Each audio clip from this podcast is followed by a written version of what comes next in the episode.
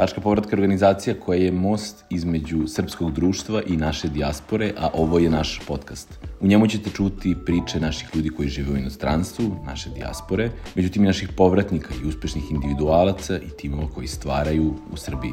Naš današnji gost je Jelena Jovičić, koja se relativno skoro vratila u Srbiju, tako da ima dosta svež pogled na to kako izgleda biti povratnik u Srbiju i nije, kako sama kaže u podcastu, u potpunosti još uvek integrisana nazad u društvo, tako da ima zanimljiv pogled na povratak u Srbiju. Živjela je u Holandiji, Švedskoj, Berlinu. Dosta njenih istraživanja, pošto je naučnica, se baziralo na rad sa izbeglicama, tako da je u ovom polju migracija dosta učena i obaveštena, tako da ima drugačiji malo pogled vrlo jedan prijatan razgovor. Trenutno radi u programu za razvoj jedinih nacija, gde svoje znanje i iskustvo stečeno u inostranstvu planira da implementira i ovde kod nas, tako da nam se da ćete uživati u razgovoru sa Jelenom Jovičić.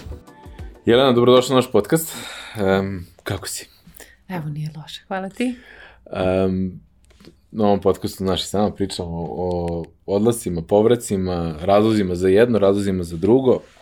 Ovaj, Pa sad ćemo, s tom ćemo da počnemo od kraja. O, ovaj, ti si se relativno skoro vratila u Srbiju, tako? Tako je, ja sam ovaj, ovako fresh povratnica. Da. Kada je to skoro? To skoro je od zapravo oktobra ove godine, znači mm -hmm. 2022. Ovaj, to jest par dana pre sam ovaj, se preselila i odmah počela novi posao. I, I toga ćemo ja, se dotaknemo. A kada si otišla? Kada sam otišla u inostranstvo? Tako je. U, pa otišla sam u inostranstvo sa 18 godina zapravo, mm znači odmah posle srednje škole. Mm -hmm. ovaj, I nisam zapravo živjela u Srbiji od tada do sada ovog povratka nikada duže od par meseci. Mm. Um, tako da je to jedan onako dobar period mog života. Do, dobar period. Mm. Uh, gde si išla u srednju školu? Ja sam išla u šestu gimnaziju, Šest. Zvezdari. Da, i uh, na studije si otišla u Švedsku, tako? Ne, znači ja sam bila malo ovaj, na različitim mestima. Aha. Ja sam ovaj, prvo otišla uh, sa stipendijom u Holandiju, u Groningen, Aha. to je jedan onako manji i srednji grad ovaj, na severu, malo onako kao kažem, nije baš blizu da, nijednog da, da. većeg grada, malo izolovan. Tamo sam završila osnovne studije. Uh mhm. -huh. mm, bila sam na razmeni u Grčkoj, u Solunu ovaj, nekih osam meseci i onda sam dobila master uh, stipendiju ovaj, u Turskoj mm -hmm. i u mhm. Berlinu. Mm -hmm.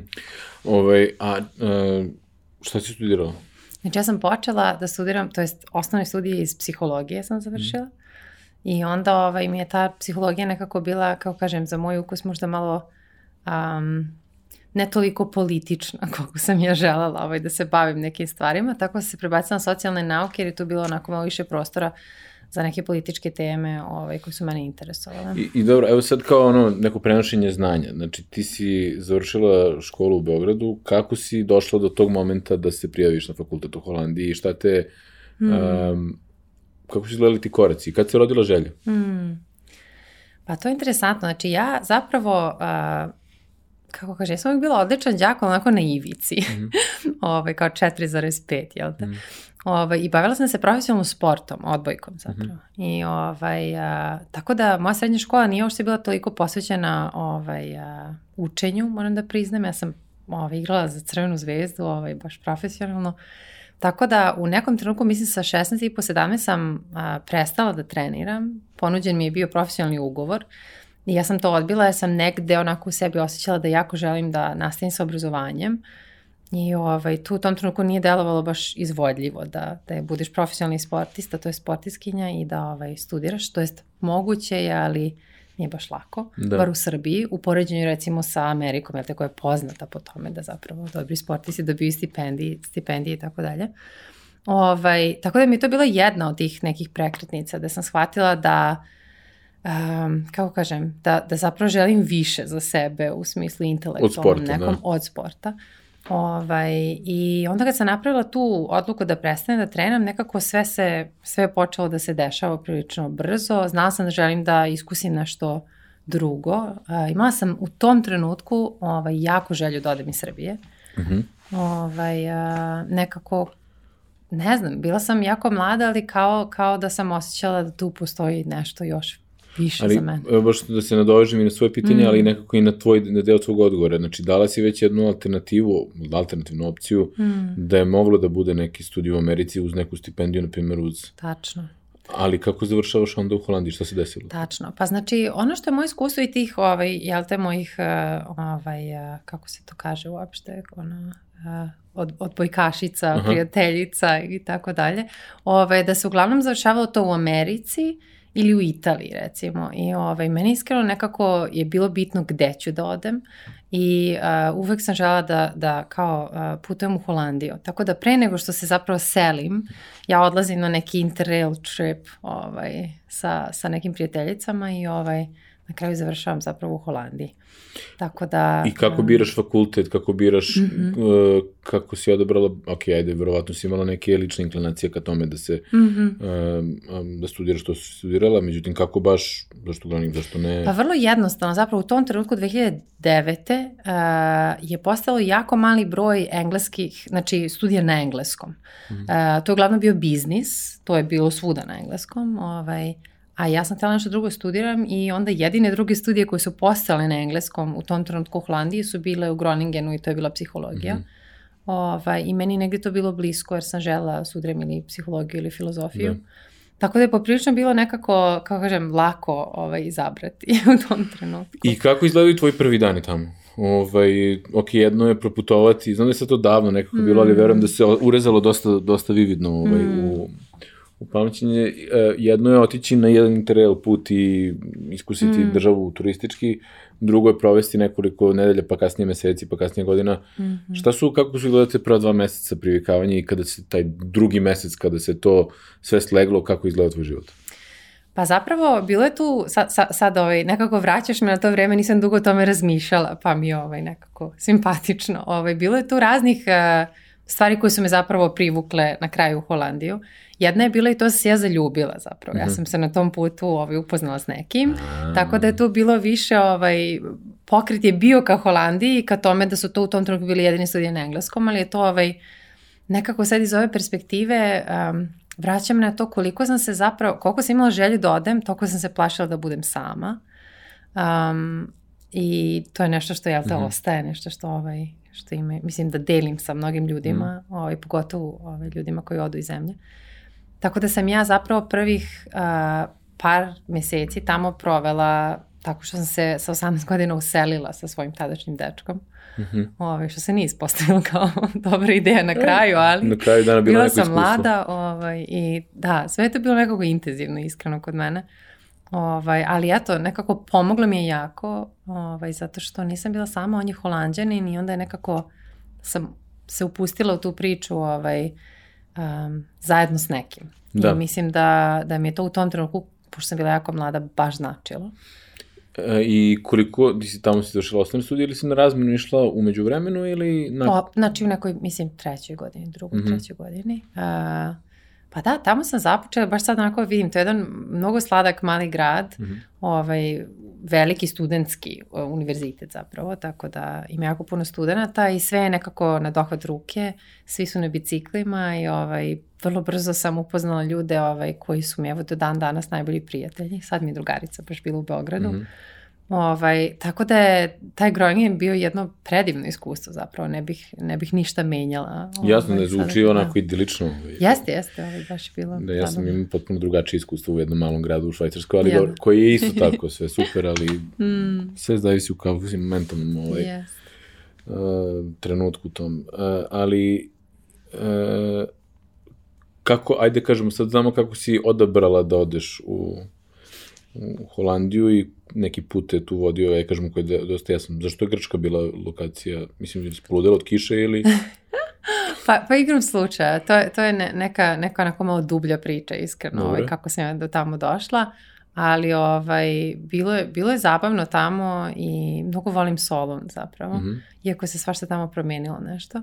I tamo sam upoznala neke predivne ljude ovaj, pre nego što se vratila u Holandiju. Uh, A, tako da, da, nekako, sad kad gledam u nas, to je sve bilo nekako užasno spontano. Mm -hmm. Ja sam imala neku goreću ovaj, želju da, da vidim sve živo, otprilike, i da šta god mi se otvaralo, ja sam to grabila.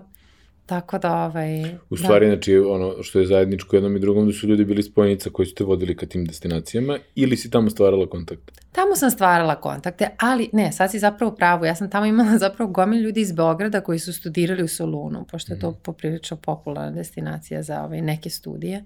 Ovaj, tako da sam ja tamo završila sa ovaj, okružena par ljudi iz srednje škole, na primjer. Nismo istu stvar studirali, ali mhm. ovaj, nekako u pravu si. Zapravo uvek su tu bili neki valjda mi je bilo bitno da, su, da, da je nešto poznato u mhm. svemu tome. I dobro, završava se taj, ta epizoda sa, sa Grčkom, gde je onda mm. dalje, kako se mm. dalje razvija tvoj put? Pa ništa, znači ja sam onda završila studije ovaj, u Holandiji, a, započela studije master u Holandiji, to mi, to mi se nešto nije svidelo i onda sam ovaj, se prijavila za jedan vrlo onako specifičan, specifičan master studije koje ovaj, su bile popri... zapravo dale su mi taj politički deo ovaj, ko, koji mi je da? falio. Ovaj, e, zvanično su to bile kao studije socijalnih nauka, ali su bile u Grčkoj, u, prosti, u Turskoj i u Nemačkoj, mm -hmm. tako da a, su užasno povezivale tu neku ovaj, temu migracija, jel te? Ovaj, što je meni bilo jako zabavno i iz lične perspektive i ovako ovaj, um, nekako sociološki. Uh, Tako da ovaj, sam puno naučila onda o tim nekim ovaj, međunarodnim odnosima, pogotovo u sklopu migracijonih studija i tako je zapravo, tako se i nastavio moj put. Ali zanimljivo mi je što kažeš to, falilo mi je ta doza političkog. Mm. Ovaj, kako si to prepoznala da ti fali baš političko? Kako nisi, pre, kako, mislim, zašto si, mm. sad ja kao nagađam, ali mm. zašto nije kao falilo mi je biznisa u psihologiji ili falilo mi je obrazovanja, nego zašto baš politike? Mm. Pa to je dobro pitanje. Ja zapravo mislim da ja prvi put kad sam otišla u inostranstvo, suočila sam se sa raznim nekim stvarima. Jel? Ovaj, nikad nisam razmišljala o tome kao ja sam iz Srbije i kao kako će to ljudi da vide. I onda polako odlazeći u zemlju, jel to u Holandiju koja je ovaj, zapadna evropska zemlja, jedna onako jaka ekonomija i tako dalje, ovaj, počela sam polako da shvatam da zapravo ljudi nas e, jako često ne vide kao evropljane.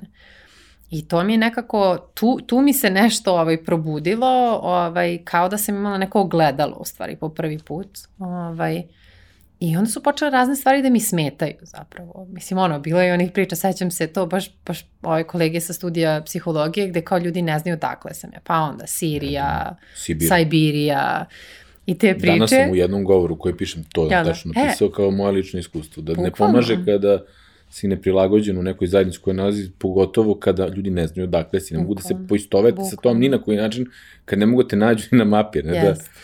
Da. Tako da je, tako, tako je, tako se nekako, kako kažem, ja nekako uvek sam imala neku dozu osvešćenosti, ali stvarno mislim da se od, zapravo zbog tog iskustva migracije, ovaj, svašta mi se nešto javilo do trenutku sada kada je to zapravo moja profesija, ja se time mm. bavim, možemo mm. da pričamo o tome. Uh, Ali to je prvi put nekako, ja sam bila mlada, isto razne stvari nisam znala o drugim ljudima, o drugim kulturama, pa sam sve to nekako, ovaj, jel te, pokraj puta onako hvatala što sam pre mogla. Ali mi je bilo i jako interesantno to lično iskustvo i moram da priznam, tada me zapravo nije pogađalo koliko me pogađa sada. Stvarno? I to, to, to sam se i sama začudila. Kao da tada nekako sam i ja rasla u tom nekom smislu ovaj, i upoznavala se sa tim temama, a nekako što sam više otvarala oči zapravo iz ličnog iskustva, a i ovaj, ka iskustvima drugih ljudi koji neki naravno imaju još teže iskustva nego mi iz Balkana, ovaj, nekako mi je to postalo sve teže i teže. Ja mislim, ja, da, dobro, ne znam sad, ne mogu, ja ti si se relativno skoro vratila, pa možda to malo drugačije ugao gledanja. Ja kad sam prvih, ja sam bio, ja sam živao u inostranstvu 2004. do 2014. prilike mm. i ali sam u tom nekom periodu između 14. i 24. godine živao otprilike. I mene je tada, ja sam, da to kad ne znaš, nemaš drugi možda kopi mehanizam, meni je to teralo na neku vrstu besa. Što ti kao ne znaš da sam, odakle smo, kako neko, kako si, mm. ono, onda ja budem agresivan, kakav si ti to kad ti, a živimo tu. Mm. Ali mislim, a, a bilo mi je smešno kada ne znaju neki razliku između, mislim, dešavalo mm. se da neki amerikanci ne znaju razliku između Australije i Austrije. To je, iako da, da, to zemlja ima, ima koja... Tistva, da, je nam se graničila sa nama, da. ali ja sam recimo ranije to puno, sa puno više agresije mm. interne, ajde kažem, možda doživljavao nego sada, sada kao ono, nemam taj... Da, ja nemam, ja nemam zapravo više, da, i mene je tada više ljutilo, ali nekako um, mislim da je sada možda i zbog, zbog izbora kasnije mhm. studija i ovaj profesije, jel te, i te teme, nekako sada um, nemam reakciju više na to jer stvarno nemam šta da kažem da. na to, ali ovaj, nekako to je nešto što me ako tiho mori. Prilike, ali evo, ajde, je, ajde kažem, pominjamo već drugi, treći put profesiju. Šta je ono što je tvoja mm. profesija? Kako se kako ja, se ti zoveš jeste, profesija? Ja sam vizualni sociolog. Dobro. Na kraju ispala. Ovaj, I to je bio neki onako čisto čudan malo put, ali ovaj, ono čime se ja bavim zapravo je sociologija, ali koristim znači, vizualne medije kao, a, kako kažem, izvor podataka na neki način o našem društvu, našim društvima. Što to znači vizualne medije? Što, mm -hmm. šta, to, šta su, ajde, kažem, pa, šta spada? Specifično, ja sam puno radila sa fotografijom i filmom, a, iako ja nisam, znači, kako kažem, a, trenirana za, za ovaj, tu vrstu ovaj, medija a, profesionalno, ali mi se jako svidao pristup znači, tim kvalitativnim metodama gde možemo da radimo zajedno sa ljudima, znači jako mi je bila bitna kolaboracija ovaj, um, sa različitim grupama ljudi. Ja sam specifično radila svoj doktorat na temu a, znači izbeglištva, tako da sam se često susretala zapravo s ljudima koji su izbegli, a, što ratove, što ekonomske ovaj, mhm. probleme mm -hmm. i tako dalje. I a, nekako tražila sam neki drugi način da pristupim pričama a, njihovih života, njihovih iskustava što u Srbiji, što ovaj, na zapadu, a da to ne bude onako, kako kažem sad, ne znam da li to srpska reč, ekstraktivno. Znači da, da, da, da ne dolazim, uzimam priču nekim intervjuom i odlazim, nego da to zapravo na neki način postane jedan zajednički projekat.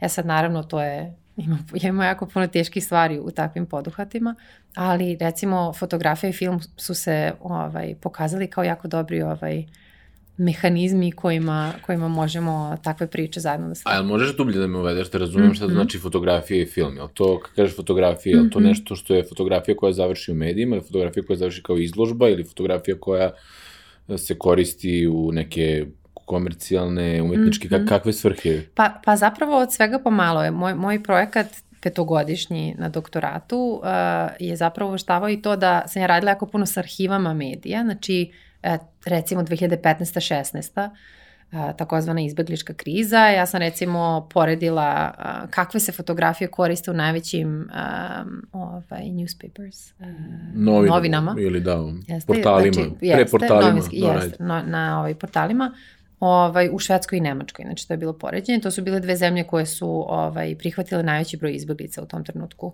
ovaj, po glavi stanovnika ovaj, u Evropi. Uh, I bilo mi je interesantno znači, da analiziram te slike s neke sociološke perspektive. Ko je na slikama, kakav je setup, znači ko je, ovaj, ko je uloga žena recimo, mm -hmm. ko je uloga dece, ko je uloga muškaraca, kako su oni predstavljeni, razne neka pitanja, koje su emocije I dominantne. I kažeš, fokusirala si se na samo ta dva tržišta i sad mm -hmm. im želju da znam, pa te pitam ovako, mm -hmm. kada si radila za ta dva tržišta, si radila neke komparativne analize i sa međusobno, a i mm -hmm. možda i sa drugim nekim ja kažem, postoji taj jasan trag kuda mi izbeglice od te, iz te krize prolaze. Mm. A, da li si gledala kako je izgledalo izveštavanje u Turskoj ili u Srbiji ili... E, to, to nisam gledala na, na neki sistematski način. Ne, znači, ono, ono što je jako teško sa fotografijama je to što su svuda i što se koriste slične fotografije jel te, ovaj, na, raznim, na raznim portalima. A drugi problem je što nemaš, e, zapravo ne postoje u svakoj zemlji arhive. Uh, U Nemačkoj i u Švedskoj postoje znači jako lepo uređene arhive ovaj, medijske gde ti možeš kao naučnica da dođeš i da kažeš meni treba pristup tome i tome ili čak imaš elektronske arhive gde možeš jednostavno da ukucaš šta ti treba i to sve izađe. To je kod nas uh, mnogo teže. Ovaj, tako da to je bio negde isto ovaj, moj izbor da se fokusiram. I dobro, ajde da kao ono, baš me, šta je bio pa je neki tvoj zaključak i zaključak tog rada, kako vizualna reprezentacija izbeglištva utiče na mm. generalno stanovništvo ili na mišljenje o izbeglicama, mm. koliko, koja je tu, kako to, kako utiče? Pa to je jako teško zapravo napraviti zaključak tome. Jako je teško um, istraživati na neki način. Tačku, pa e, zapravo jako audience studies, znači mm. studije, studije ovaj, kako bi se to nazvalo na publike, srpskom, znači da. publike, to je, to je jedna vrlo specifična ovaj, zona koja je jako teško zapravo istraživati, jer to, to je više neka psihološka strana, jel te? Tako se ja više zadržavala na samim slikama i na samom tom vizualnom Ovaj, I postoje naravno razne metodologije ovaj, koje nam pomažu da zapravo analiziramo slike, fotografije, mm. razne vrste. Ovaj, čak oni to zovu analiza vizualnih diskursa, znači kao što postoji ovaj, tekstualni diskursi, ovaj, veruje se da postoji vizualni, i da zapravo uh, u naše doba ljudi mnogo više i posmatraju slike i iz toga dobijaju razne vrste informacija nego što, jel te, čitaju, ne znam, uh, dvo, ono, dve, da, da. dve ovaj, stranice teksta. I dobro, kažeš da u nekom mm. trenutku pretpostavljam da je to bila ta neka poveznica, uh, da si bila u Berlinu i u, u Turskoj. Koliko dugo si provela i na jednom i drugom mestu? Znači, ja sam ovaj, prvu godinu završila u Ankari. Dobro. Ovaj, u Turskoj, a, tako da sam tamo bila godinu dana. To mi je jako lepo iskustvo, recimo. Ovaj, a, I onda sam se preselila u Berlin i tamo sam bila nekih dve godine. Znači, mhm. malo sam odužila te studije, radila sam na jednom institutu istraživačkom i ovaj, uživala u Berlinu. Um, kako je, kako bi ocenila, ili si, verovatno si razmišljala o tome s obzirom na to šta si radila, kakva je recimo percepcija Turaka mm -hmm. o Nemačkoj, koji, onih koji žive u Nemačkoj i onih koji žive u Turskoj? Uh, iz moje perspektive? Iz tvoje ili... perspektive, ako to nije bila tema rada, nego čisto ako verujem da je nekako prošlo kroz... Jer kao, mm. zašto pitam? Zato što znam kako ljudi vide, naši ljudi koji žive na strancu, kako vide Austriju, a žive u Austriji, mm. i kako vide Austriju, a žive ovde. Mislim, mm -hmm. ono, mhm. kolokvijalno, nije to kao nešto... Mm -hmm. Mislim, zato što kao slične su poređenje, zato što postoji 50-godišnji, 60-godišnji imigracioni put Turaka u Nemačku, kao i kod nas što postoji ceo taj gastrobajterski. Pa evo ja mogu početi od svog iskustva, to je da je ta godina dana studija, ovaj, ja sam studirala znači, na tehničkom fakultetu koji ima ovaj, sociologiju, ovaj, Middle Eastern Technical University u Ankari. A ja sam tamo došla u grad kome nikad nisam bila pre. Uh, ovaj, u gradu u kome jako slabo ljudi pričaju engleski, a ja u tom trenutku nisam ništa pričala turski. I ovaj, to mi je iskreno, ako gledajući nazad, mislim, naj, um, kako kažem, intelektualno i u smislu toga šta sam naučila i koji sam kvalitet uh, dobila uh, obrazovanja, to mi je najbolja godina, znači obrazovanja. Tako da mislim da su tu počeli čak i u mojoj glavi neki ono debunking stereotypes. Mm -hmm. um, Turska ima poprilično jake univerzitete, ovaj, nešto što možda nije toliko poznato, poznato. pogotovo kad si ovaj, možda iz perspektive Nemačke. Tako da to je, neka, to je neka moje prvo iskustvo, znači jako dobro. Čak mnogo, mnogo kvalitetnije od nekih zapadnih fakulteta na kojima sam ja kasnije studirala. Mnogo više kritičkog mišljenja, um, nekako drugačiji pristup jednostavno znanju, ovaj, mm. debate, uh, mnogo više nekako uključivanja studenta u razne uh, aktivnosti i jako puno aktivizma, na primjer. Ovaj, mm -hmm. To je sad specifično za taj fakultet takođe, ali... Ovaj, Vrodno i za taj grad. Verovatno. Kombinacija. U nekom, u nekom smislu. Mislim, eto, mm. nisam, nisam nikad imao prilike da budem, da idem u Ankaru, ali, mm. eto, igram slučajem neki prijatelj koji žive tamo. Mm. Ali, uh, kako izgleda tvoj dan, recimo? Jer kao možemo da zamislimo kako izgleda tvoj dan u Berlinu. Mislim, kao mogu da ga... Da, to je bliže ljudima. Bliže, možda, da. je, da, ali mm. kako izgleda tvoj dan u Ankari? Pa zapravo ja sam tamo jako uživala. Ovaj, ja sam tamo došla, znači to krajem augusta, septembar, bilo i dalje leto. Ovaj, živjela sam jedno vreme na kampusu u sobi od 12 kvadrata sa još tri devojke, pošto su podeljene na ženske i muške. Ovaj. Tako da, kad pomisliš haos, ali ovaj, sećam se da ti, tada kad sam u toj sobi živjela od 12 kvadrata, nikad bolje nisam spavala u životu. Sećam se, znači spavala sam kao da, da sam sama na svetu, otprilike. I to mi je bio neki prvi onako utisak dobar, jel te? Taj kampus je predivan, zelen, kao neki mali grad u principu. Um, da, jako puno sam učila, bila sam dosta u biblioteci, jako sam se, posle se združila ovaj, sa nekim međunarodnim studentima i ovaj, nekako baš je bilo zabavno. Ovaj, interesantna je Ankara zato što ovaj, nema taj međunarodni karakter, je tako uopšte, mm -hmm. koji recimo Istanbul ima. Da, a glavni grad je. A glavni grad je onako u sredini ničega u principu. Mm -hmm. Ono što sam radila je, bilo je zgodno, jako sam puno putovala. Mm -hmm. ovaj, upoznala sam uh, tada, mog tadašnjeg ovaj, dečka i jako smo puno putovali, ovaj, hitchhajkovali smo mm -hmm. i svi su mislili da smo potpuno ludi jer to tamo nije baš ovaj, pre, preporučeno, ali nama je bilo super zabavno i baš smo svašta videli nekako. I... Kad kažeš to, lokalno ste putovali ili... Pa putovali smo po celoj Turskoj, u principu. Mm. Tamo je taj isto sistem, ovaj, autobus, autobusa možeš da odeš gde god, ono, no, noćni autobus, 15 sati, tad smo bili mladi, ovaj, jel te, malo mm. s više energije, pa nam to ništa nije bio problem. Tako sam svašta nešto videla, išli smo i ovaj, u to neku istočni deo ovaj, Turske, Mardin, neke, neke gradove koje su onako potpuno, potpuno čarobni, ovaj, koje ja te nekako nikad, nikad ne bih videla, mm. verovatno, ovaj, da nisam tamo živala. I, uh, znači, nakon toga dođeš u Berlin, um, mm. provodiš dve godine, I kako sad, kako, gde si ti završavala u stvari taj svoj doktorat? Gde je on bio, gde si ti kao doktorirala? Mm -hmm. Znači ja sam u Berlinu onda završila, znači jedna mm -hmm. godina je bila u Ankari, uh, dve godine u Berlinu, završila sam master i počela sam se prijavljati za doktorate. Jasne, to je okay. um, uglavnom u Berlinu, tamo mi je bilo, tamo mi je odgovarao život zapravo, žela sam da ostanem, ali ništa se nije dešavalo na tom planu. Mm. Uh, naravno, kao neko sa srpskim pasošem, uh, morala sam jako brzo da se snađem, da. ove, ako sam htela da ostanem i da ne prolazim kroz ceo taj proces ponovo. Ove, međutim, nisam ništa dobila zašto sam se prijavila. U Berlinu svi živi hoće da, ovaj, da budu i da studiraju i tako dalje. Tako da sam onda počela da se prijavljujem van Nemačke i prvu stvar koju sam prijavila to je bio Stockholm, ovaj, mm. univerzitet u Stockholmu i to sam dobila. I nekako sam se vodila time da kao, ajde sad, to je opcija, idemo. Iako ovaj, u tom trenutku mi je stvarno bilo dobro tamo i ovaj, nisam, nisam imala nikakvu potrebu da, da mhm. nešto novo mhm. započinju. Mm. Koje je to godine? U kojoj, čisto da dobijem? 2019. sam ja počela svoj doktorat. Mm -hmm.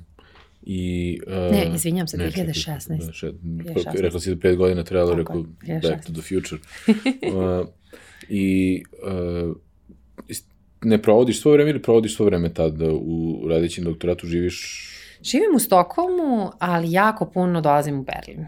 I zbog tog ovaj. kombinovanog rada između... I zbog između... toga, sad šta je, šta je bilo prvo, šta je drugo, ne znam. Mm. Meni Berlin od početka jako nedostajao i moram da priznam da sad, evo, završila se i ta ova priča sa, sa Stokholmom, skoro, ali ovaj, nekako meni taj grad nikako nije legao. I tu mm. je mhm. počeo nekako, kako kažem, downfall mog iskustva ovaj, migracijonog. Da, da. Ovaj, I mislim da to i jeste u nekom trenutku i do, dovelo do toga da se vratim ovde. Ok, a što, mm. što recimo misliš sada kada analiziraš, zašto misliš da ti nije legao? Pa nije mi od početka zapravo nekako, ne znam, došla sam tamo ono, sredinom avgusta, bilo je, ne znam, 12 stepeni, na primer. Dobro. Ovaj, prvo taj šok, ovaj, hladnoće, onda ovaj, nekako jednostavno ne, ne, ne mogu to ni nekako reći, tamo, tamo sve funkcioniše, jel te? Sve, sve je zapravo ok. Ja sam imala doktorat koji je plaćen, što je velika privilegija, ljudi ovde plaćaju doktorate Just. fakultetu. Sve sam ja to bila svesna, ovaj, nekako nisam se nekako ukačila s ljudima. Grad je predivan, čist, jako puno prirode, leti je prekrasno, ali ne, ne, nekako nema dušu. nema mm. to nešto što mislim da ljudi možda s naših prostora ovaj, zapravo traže, ovaj, pogotovo ljudi iz, iz većih gradova. Mm -hmm. A to je to, sve je nekako umereno, tiho, ništa ne iskače iz neke onako srednje linije. Mm -hmm. I to mi je jedno vreme zapravo odgovaralo, nekako sam se užasno posvetila sebi, prvi put sam imala vremena i prostora, onako toliko je, i uvek kažem, toliko je tamo tiho, nekako generalno da samo svoje misli čuješ. Mm -hmm. I onda nekako moraš da počneš da radiš na sebi u stvari. I prvo ti prija, je... posle poludiš. Pa, otprilike. Eto, da. to, to je negde bilo. Znači, to je nek, nekih prve godine gde je bilo onako korisno da sam mogla da procesuiram sva ta iskustva zapravo od mm -hmm. nekog ovaj, odlaska, da kažemo, ali i pre toga. Ali u nekom trenutku to, falili su mi ljudi, falilo mi, falio mi osjećaj zajednice koje jako, jako sporo ide. Nije da, nije da je nema, ali užasno sporo ide. I nekako, baš sam razmišljala danas, ovaj, dok sam gledala pitanja, kao da tamo ljudi osjećaju uh, kad neko nije siguran da će da ostane. I imaju neke onako vrlo, kako kažem, pristup prijateljstvima kao ako si tu stvarno, onda hoće da grade prijateljstva. Ali ako ti malo onako vrdaš, pa kao ja sam išla malo u Berlin, pa malo sam u Srbiji, kao da nekako ti ne veruju onda do kraja i zapravo ti moji odnosi s ljudima tamo nikad nisu nikad nisu našli neku dubinu koja je meni jako, jako ovaj, nedostala. Ali je to zanimljivo, ovaj, a volio bi da mi kažeš i zašto, kažeš ti, tebi je nedostao neki osjećaj zajednice, ti si kao stalno nešto, mm. uh, i kažeš ne znaš što si prvo odobrala, Um, zašto je tvoj beg onda iz Stokholma bio u Berlin, a ne u recimo Beograd ili ne mm. u neku, ili neki Solun ili nešto drugo što ti, mm. da, da, da si stvorila neku zajednicu pre toga? Pa to je zato što uh, zapravo moji prijatelji koji sam upoznala u Holandiji, znači od prve godine fakulteta, su se svi nekako sjatili u Berlin. Znači, meni mm. bukvalno 95% najbližih prijatelja živi u Berlinu. I sada? I sada, znači i posle svih ovih godina. Ono što je interesantno je da sam ja jedna od prvih koja je tamo došla, pa sam ja onda vukla sve te ljude, koji su isto nisu, ono, niko od njih nije iz Srbije zapravo, Nemci, mm. Holandjani, I ove, onda su se oni svi tamo sjatili, ja sam u jednom truku otišla, nisam mogla da nađem ove, u tom trenutku posao ili doktorat. Mm -hmm. I ovaj, čak i moja drugarica ovaj, koja je iz Hrvatske, ovaj, koju sam upoznala u Švedskoj i tamo smo se znala ovih posljednjih pet godina i ona je sad završila u Berlinu. Tako da nekako, to je neko mesto gde, kako kažem, ja sam otišla posle srednje škole, jako puno ljudi moje generacije isto tako otišlo, tako da smo se viđali isto tako samo oko ovaj, praznika i tih stvari. I ja zapravo nikad, čak ni sada, ne osjećam da imam zajednicu u Beogradu. Mm -hmm. I to je, ove, osim naravno svoje porodice, ove, nekako se ta prijateljstva iz srednje škole promenila. Znam, promenila. Mislim da je to negde normalno u našim godinama da ovaj... I ranije. Mislim, ja sam to iskusio mm. moje prijateljstva iz osnovne škole i srednje škole, ja sam gradio neka prijateljstva ovde u srednje škole, u jednom trenutku ti se kao vratiš ovde, i kao samo što se nešto kao radovao, u stvari shvatiš da ste se vi svi promenili, mm. mislim, i, i neki ljudi ti odgovaraju, neki ljudi ti ne odgovaraju, neki ljudi ti odgovaraju povremeno. Tako je. Um, ali dobro, uh, čemu onda sad povratak? Mm. Pa, ovaj, iskreno ja se pitam. nemam, nemam baš jasan odgovor. Ove, ovaj, ono što sam znala to je da jednom trenutku u Stokholmu, znači sam posle, posle završetka doktorata dobila jedan posao koji mi je bio jako zabavan. Ovaj, radila sam kao, ovaj, radila sam istraživanja i ovaj, organizovala sam uh, taj neki javni, kako kažem, program jednog uh, kulturnog centra koji je u sklopu fakulteta. Tako da mm -hmm. sam mhm. povezala zapravo svoje neke dve pasije ovaj, u jedno. I onda sam shvatila da zapravo u tom trenutku u životu imam najbolji posao mogući koji bih mogla zamislim, a i dalje, i dalje to nije to. mm -hmm. I nekako me to baš pokrenulo da, ovaj, da tražim i da idem ka onome što mi fali, um, a to je neki, kako kažem, neki mir na neki način, uh, neki svoj prostor. U Stokholmu je jako teško imati svoj stan, ovaj, osim ako nisi negde jako daleko od centra. Uh, Ove, što je sad postaje, jel, to i u Bogradu jako teško. Istina. Ovaj, tako da nekako sam išla za tim nekim bazičnim potrebama, a to je neki, neki mir, činjenica da, da sam da, da poznajem jezik dobro, da neke stvari, kao da sam se vratila na neke onako vrlo osnovne, bazične stvari. Um, I eto, evo me sad tu. Hm. Um, Mislim, kažeš, u nekom drugu si rekla da je to kraj, mislim, kraj, ne, tako si rekla, kraj nekog tog migratnog puta, ali mm. jel, misliš da je ovo samo još jedna usputna stanica? To je vrlo ovaj, dobro pitanje. Um, pa, ne, ne znam šta bih rekla, ne mogu nekako da... Ne, mogu trenutno... ni drugo, da. Da, ne mogu Previše sve da sad ti si tek došla, da, Jeste, okay. ali s druge strane e, imam stalno to pitanje da li ću ja ikada negde zapravo da se ovaj, ja te stabilizujem. I mislim da to pitanje koje gomila ovaj, povratnika i ljudi koji odu ovaj, se pitaju. To je, to je kao, to je postalo, kako kažem, nigde, nigde nemam sve. Da. Što je negde možda i teško tražiti, ali imati sve, ali um, kad sam, ne znam, ovde nedostaje mi porodica, kad sam ovamo nedostaje mi zajednica, uh, kad dođem ovde, jel te, neke druge stvari mi smetaju ovaj, sučavanje sa dnevnim životom u Bogradu i tako dalje. Da. Tako da nekako naći šta ti, ja se vodim time da, da, da rađem šta mi u ovom trenutku u životu zapravo treba, mm -hmm. šta su mi potrebe i da nekako tako gledam na mesto ovaj, u kome živim i ovaj, gde sam. Da. Ne, e, mislim, baš na nekom prethodnom podcastu razgovarao mm. sa, sa jednim momkom i delo mi da se isto pitanje ovde nekako da, pri, da priliči. Mm -hmm. uh, on je nešto par puta odlazio, vraća se, odlazio se, vraća se, živio na svim kontinentima, nešto i sada živi ovde. Međutim, priča o tome kako i danas, zahvaljujući okolnostima u kojima živimo, moguće biti građani sveta. Ovaj, gde god da živeo. Mm. Kako, kako ti recimo vidiš sebe tu, u kojoj meri si ti, kako kažem, srpkinja, ne mislim po nacionalnoj, mm -hmm. kako, ono, mm. državljanka ove zemlje ili pripadnik ovog društva, u kojoj, mm. kojoj meri si građanin sveta i gde se to preklapa, gde se to kosi jedno sa drugim?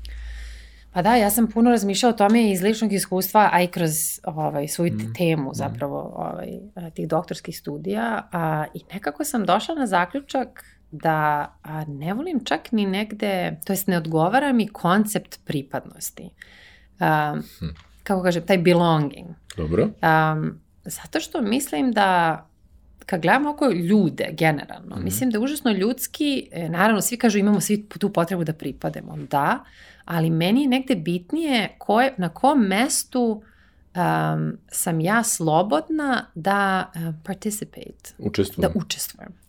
I to mi je nekako, kako kažem, um, i, i na to mislim bukvalno, kao uh, koliko ja mogu da učestvujem u društvu, koliko mogu da učestvujem u nekim političkim pitanjima, ovaj, koliko mogu da učestvujem uh, ne znam, u nekim, u nekim dnevnim stvarima jednostavno. Koliko, koliko... je na taj stav recimo mm. uticalo tvoje istraživanje koje praktično e, mm je fokusirano na ljude koji ne mogu da učestvuju u Apsolutno je, apsolutno je ovaj, jako puno je uticalo zato što sam bila u kontaktu s ljudima koji pa što, uh, u jednom trenutku nemaju ništa i nemaju nikakvu priliku da, da doprinesu jednom društvu, jednom novom društvom u koje su se našli. Ovaj, I mislim da gledajući na, na njihov razvoj, uh, tačnije na, na neku stagnaciju, na neko čekanje, mm koje se desi ovaj, u, tom, u tom nekom izbegličkom ovaj, iskustvu, mislim da je to jedna od najstrašnijih stvari u životu. A to je,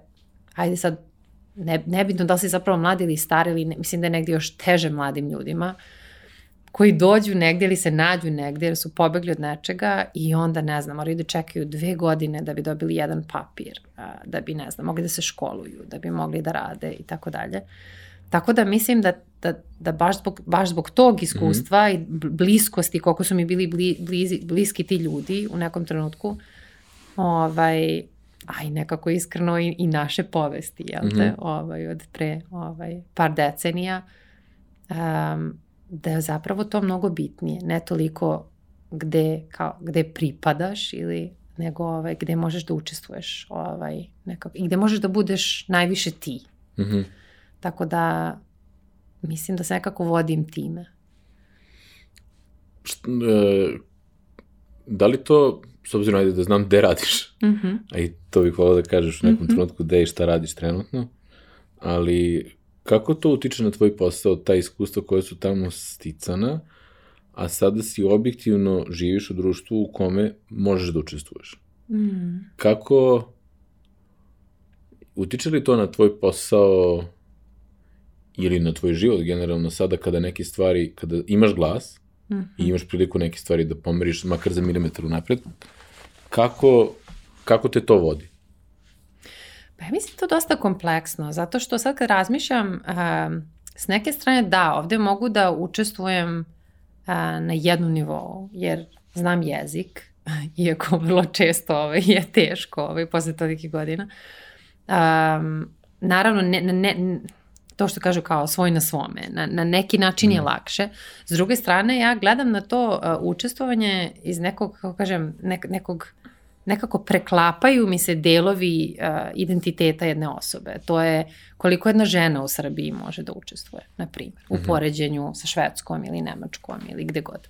Um, koliko neko ko je, ne znam, ko ima drugačiji ovaj, neki background u smislu da li je, ne znam, neke druge nacionalnosti ili manj, manj, da li je manjina u Srbiji, na primjer, može. Tako gledam na to na neki način gde, gde zapravo svaka osoba ima neke svoje specifičnosti zbog kojih u nekom određenom prostoru može više ili manje da učestvuje, hmm. nažalost.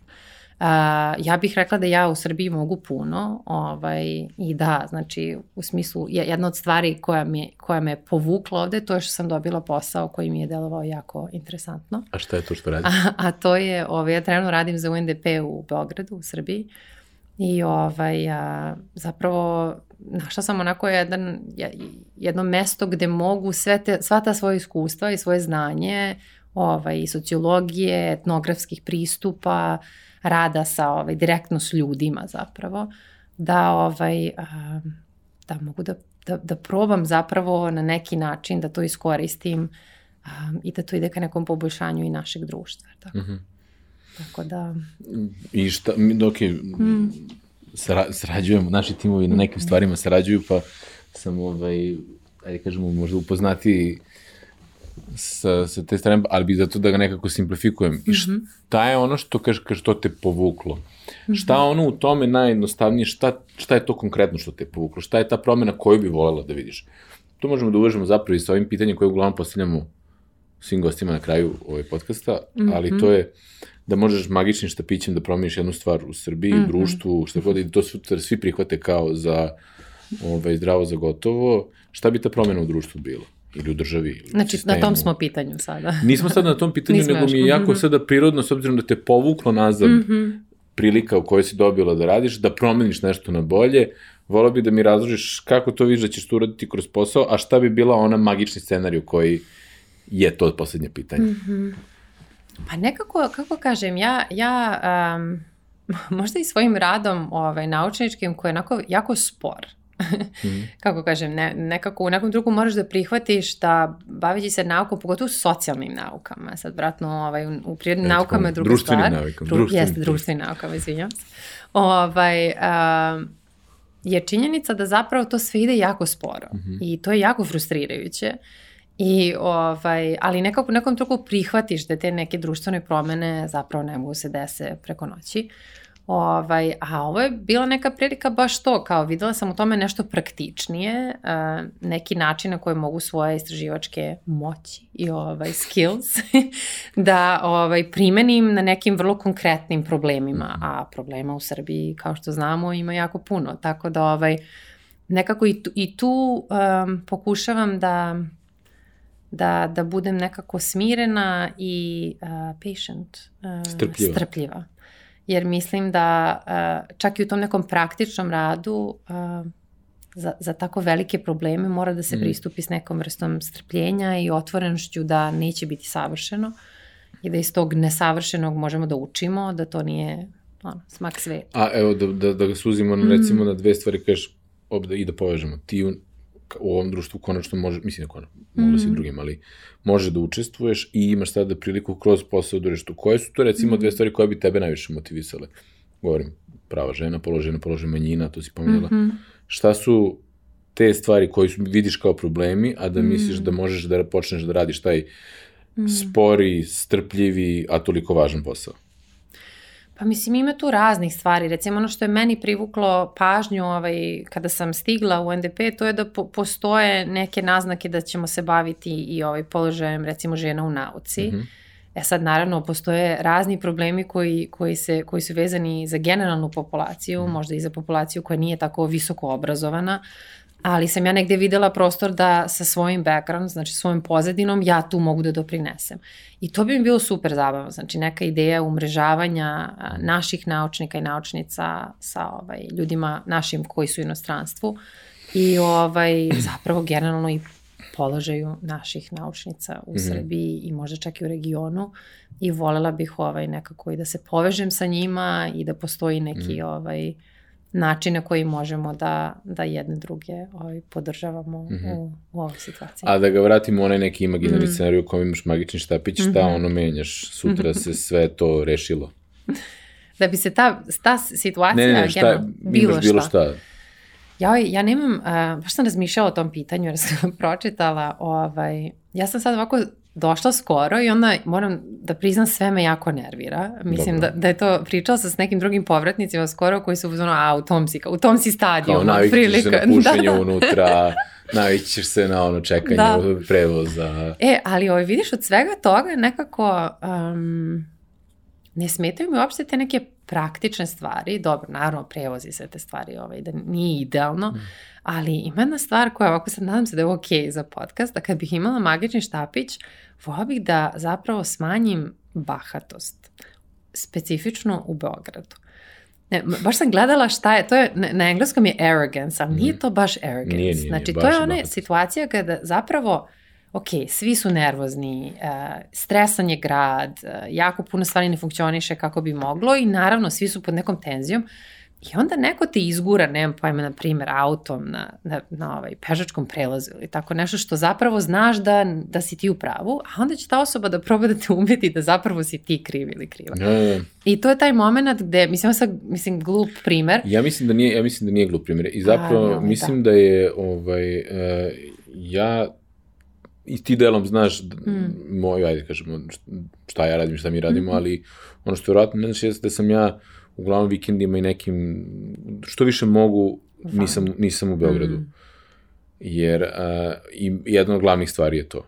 Mm. Uh, zato što da li još uvek nemam dovoljnu disciplinu da me ne izbaci iz takta to što mm. me neko umalo udari na pešačkom mm. prelazu, pa onda hoće da me bije zbog e, toga. E, e. Ovaj, uh, to, to ne mogu da prihvatim kao mm. normalno ono, stanje svesti u kom se nalazim. I, uh, i razmišljam o tome, često pokušavam da se uhvatim da da li sam ja matori, pa sam, ono, pre 10 godina mi to nije smetalo. Nije to, mislim da nije bilo tako pre 10 godina. Da. Ova količina automobila, uh, dostavnih vozila i saobraćaja mm. generalno. Uh, a, a pritom onda samo odeš 50 km van Beograda i kao najviše te nervira ovaj spori biciklista koga sad ne mogu da obiđe. Da. I kao, potpuno su druge dimenzije. Jeste, i baš to I je sad država. dobro, to je dobro, jeste, i to je dobro i poređenje, zato što mislim da je deo toga možda i neka, neki specifični razvoj u našem društvu, a s druge strane, verovatno i Beograd postaje taj ogromni grad, gde u stvari um, nekako anoniman si. Uh, mislim da je to situacija u manjem mestu je činjenica da recimo ako ti uradiš sad nešto nekome ili se ponašaš na određen način koji nije baš društveno mm. prihvatljiv, ovaj, ti ćeš tu osobu da sretneš da. sutra ili za dve nedelje, a u Beogradu verovatno nećeš.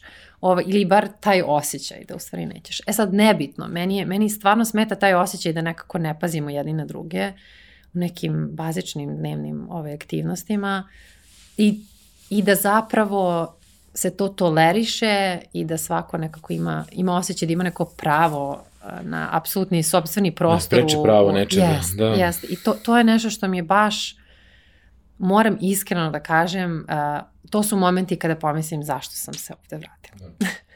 To su, ne, mislim, ja to razumem. Ja, da. ovaj, juče mi žena nešto kaže, nešto sam bio nervozan, imao sam nešto teži dan, malo duži dan, a posle mm. teži. I ona mi kaže ovako, kaže, da si okej, okay, sve okej, okay, rekao, ma da, znaš, da, rekao, je to zato što smo u Beogradu? pa bukvalno. Nije ovaj, da, ovaj put nije zbog toga, ali vrlo lako bi moglo da postane. Tako ali da, da, ovaj, mislim ne, da ja stvarno. E, i plus, ajde, mislim, da, ok, to je malo i moj lični stav generalno u životu, ali um, ako možeš da ne živiš u Beogradu, jer ja stvarno volim Srbiju, život u Srbiji, mm. radim posao koji radim, um, ali sve manje razumem ljude koji mogu da žive drugačije, a žive Slažem u Beogradu. Se. Znači, Slažem se. Ja zbog posla i moram da sam tu, ali da ne moram, vidi, vidi jednom, dva put godišnje da se vidim s prijateljima i vidi u Beogradu. Ali Apsolutno, da. tema. Da, da, slažem se. Razmišljala sam ja o tome, ovaj, tako da mogu da se povežem. E, I jedno isto pitanje koje postavljamo svim našim gostima jeste koju knjigu si najviše puta poklonila nekome? To je baš tako pitanje. Ovaj, um, recimo, u poslednjih par godina kad je ta knjiga izašla, poklonila sam je zapravo najviše svojim prijateljima u inostranstvu, jer je prevedena na mhm. engleski uh -huh. sa, sa ovaj, na, sa naš, našeg jezika. Mm -hmm. A to je Lana, Lana Bastašić, mm -hmm. Uhvati zeca. Mm -hmm. um, Pokla, baš smo poklanjali tu knjigu sada na, ja da. na giveaway. Imali smo giveaway par knjiga. Aha, aha. To smo poklanjali. Strava, eto, slučajnost ovaj, iz raznih razloga poklonila se zapravo strancima, ovaj, zato što na neki baš subtilan, lep način nekako se provlači taj neki balkanski moment. Mm. A ovaj, a nekako je univerzalna. Mislim mm -hmm. da, mo, da zapravo objašnjava to ovaj, pristupa prijateljstvu, otuđenju, prolasku vremena, nekim stvarima koji su nam zapravo svima univerzalno ovaj, prisutne. A onda, znaš, kao pomene odjednom, ne znam, merima sapun. I onda mm je taj mhm. moment kao, ne znam, znam da će neki moj prijatelj koji ne zna ovaj kontekst da čita i da se poistoveti s nekim stvarima, a ja ću moći sa još nekim. Mm -hmm. I to mi je dao neki ovaj, onako lep, kako kažem, moment gde, gde mislim da je autorka uspod da nas nekako poveže, mm. ovaj, da, da, da poveže ta neka dva sveta u stvari. Ovaj, I to, to, mi je, to mi je jedna ovaj, od knjiga koja to sam poklonila raznim, raznim ljudima. Mm. Ali pomaže što je, jel te, prevedena na, na engleski. Sve je pitanje koje ne znamo, dakle mi uopšte, ali mm -hmm. ovaj, e, ako, ako znaš, pomisliš na recimo jednu ili dve scene u kojima si srećna bila u inostranstvu kada Hmm. Ima li nešto što odmah pada na pamet ili je to komplikovaniji proces? Pa ima, ima raznih scena koje mi pada na pamet. Bila sam jako srećna u Berlinu uh, te neke 2015. godine. Mm. Sećam se jedne scene, bio moj rođendan i ovaj, tada sam živala s partnerom i mi smo imali neku gomilu predivnih ljudi i prijatelja koji mm. neki su i dalje tamo, kao što sam rekla. Ali nekako bili smo onako valjano mladi, uh, nismo puno zarađivali, baš smo živjeli neki onako studentski život, ali onako svega nam je, sve, za sve je bilo dovoljno. Mm -hmm. ovaj, ba, baš je bio neki onako balans gde ne, ubijaš se od posla, studiraš nešto što voliš, okružen si nekim divnim ljudima koji ti prijaju, kao izlaziš, družiš se, a Berlin je tada, možda više ne sada, pružao mogućnost da sa jednim ono, part-time poslom ti možeš jako lepo da živiš i da nađeš sobu ili stan i da jedeš u restoranima, napolju, kebab, šta god. I tačno sam nekako osvestila koliko se, to je naravno i stvar momenta u životu, mm. Ali to mi je nekako jedan predivan moment gde je baš nekako život imao smisao, a bio izbalansiran. Mm. Nisi se, ovaj, nisi se nekako, nisi bio premoren, sve si, sve si, za sve si imao energije I ovaj, to, to mi recimo jako nedostaje. Taj neki balans. Uz želju da na drugačiji način do, do stekneš isti utisak ovaj, života u Srbiji mm -hmm. uh, i neku takvu srećnu memoriju, mislim da je najbolje da ovde za, za, zaustavim moj razgovor u ovom trenutku.